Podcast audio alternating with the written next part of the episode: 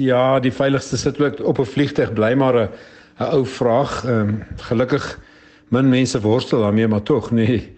My beskeie mening is maar basies die volgende, jy weet een van die natuurwette sê duidelik dat die die tempo van oorlewing is maar direk ewenig aan die tempo van die trefkrag of dan die impak in alternatiewe Afrikaans. Hoe harder die slag, hoe minder die kans op oorlewing.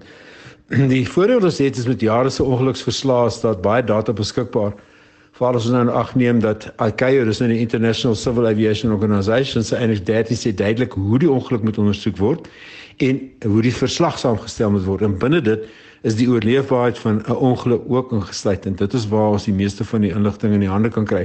Baie daarvan op die internet natuurlik, dit verskil maar van plek tot plek wanneer dit hang af wat 'n vliegtyg ehm uh, wat 'n vasteland ensovoorts ensovoorts.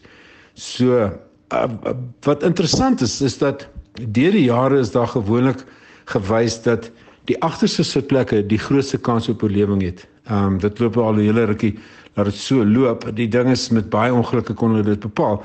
En dan ook meer onlangs 'n studie sê spesifiek die middelste sitplekke in die agterste lyn. Met ander woorde nou is dit 2 of 3 sitplekke waarna hulle verwys. Met ander woorde weg van die venster, weg van die paadjie. Dit is ongelukkige veralgemening omrede ongelukke verskil en dan sulks ook die die oorleefbaarheid van 'n ongeluk. So daar's baie wat in ag geneem moet word. So my vraag is gewoonlik kyk na die tipe ongeluk wat ons kry. Ehm um, en dit is moeilik. Jy weet nie wat so ongeluk jy gaan wees nie. Ek wens as ons dit geweet het, sou ons op die vliegtuig geklim het nie eenvoudig. Maar daar's twee wat vir my uitstaan. Die een is verlies aan beheer gedurende vlug en die ander is opstyg en landingstipe ongelukke. Ja, beheer gedurende vlug is dan min wat jy daaromtrent gaan kan doen. Maak nie saak waar jy sit nie. Air France 447 Helderberg. Lank gelede daar's niks oor nie. Met ander woorde, dit maak nou nie saak waar jy sit nie.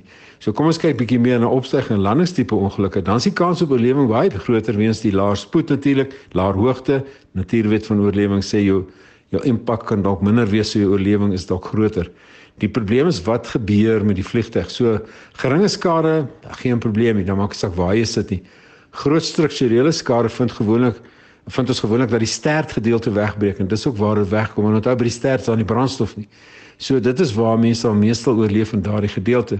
Ehm um, selfs al, al verloor die af, verloor hulle die vliegtuig net na opstyging. Dis met ander woorde dis nog steeds lae hoogte relatief lae spoed. Ehm um, as die vliegtuig agter in die brand slaan op die ander baan sonder groot skade, dan is dit 'n totale ander storie. Want dan is die oorlewingstempo die agterste ry steeds, maar dan ook waar jy brand nie is nie, dit is oor die nooduitgange, het jy ook 'n beter kans om uit te kom. So, uh, miskien ander bane by die ander bane die ongelukke daar, hang dit af waar die brand is. Met 'n party keer is mekeer vliegtuig mekeer niks met 'n brand binne of 'n bom waarskuwing bijvoorbeeld, dan is daar soos wat hulle praat van 'n emergency evacuation, dis 'n noodontruiming. Dan ook is jou veiligste sitplekke by die venster, by die oorhoofse uitgange, selfs oor die vlek. Ehm um, indien die brande brand of so iets, dan is dit ook 'n ander storie. So daar is soveel dinge om in ag te neem, maar dit is so, vlieg is veilig vandag. So as kyk na uh, hoe min ongelukke daar is in in uh, perspektief sit, dan is die vraag eintlik man, wat is wat is die meer gemakliker deel?